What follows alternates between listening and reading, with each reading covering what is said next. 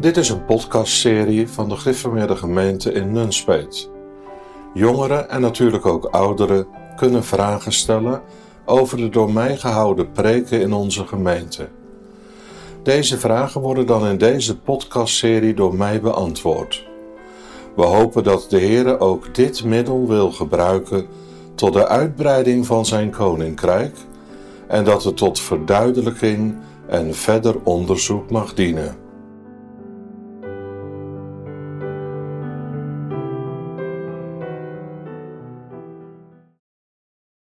Ik heb de volgende vraag binnengekregen. Waarom worden nu wel de jongens en meisjes gedoopt, maar in het Oude Testament werden alleen de jongetjes besneden? In het Oude Testament staat dat de meisjes inbegrepen zijn bij de jongens, als ik me niet vergis. Het is inderdaad waar dat in het Oude Testament alleen de jongetjes besneden werden. Dat is ook de opdracht die de Heer aan Abraham gegeven heeft. Hij heeft niet de opdracht gegeven om meisjes te besnijden. Dat wil niet zeggen dat de meisjes buiten het verbond stonden.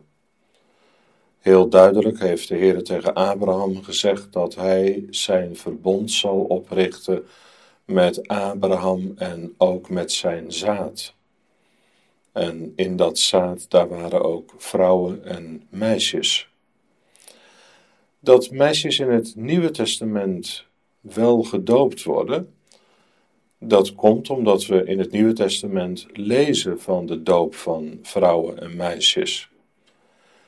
Denk bijvoorbeeld maar aan de bekende geschiedenis van Lydia de purperverkoopster. Zij werd gedoopt, zij en haar huis. En dat lezen we ook in meerdere teksten in het Nieuwe Testament, waar gesproken wordt over de doop van gehele gezinnen. Ik denk niet dat het letterlijk in het Oude Testament staat dat de meisjes in de jongens inbegrepen waren. Maar dat is inderdaad wel de gedachte van het Oude Testament. In het Oude Testament was alles heel anders dan nu in de tijd waarin wij leven. Ik denk dat het in onze tijd gewoon ondenkbaar is dat meisjes in jongens, vrouwen in mannen zouden zijn inbegrepen. Maar dat was in de tijd van het Oude Testament heel gewoon.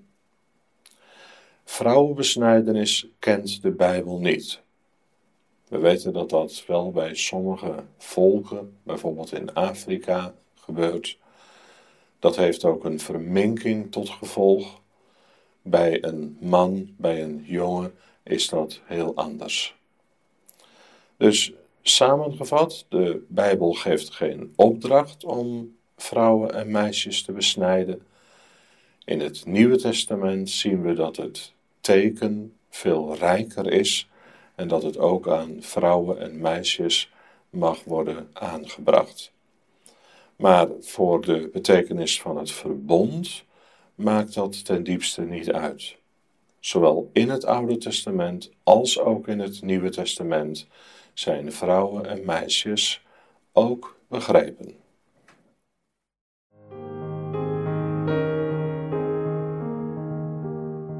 Heb jij nu ook een vraag over de preek?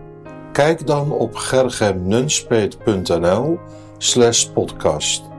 Je kunt daar een vraag indienen en alle eerder beantwoorde vragen terugvinden.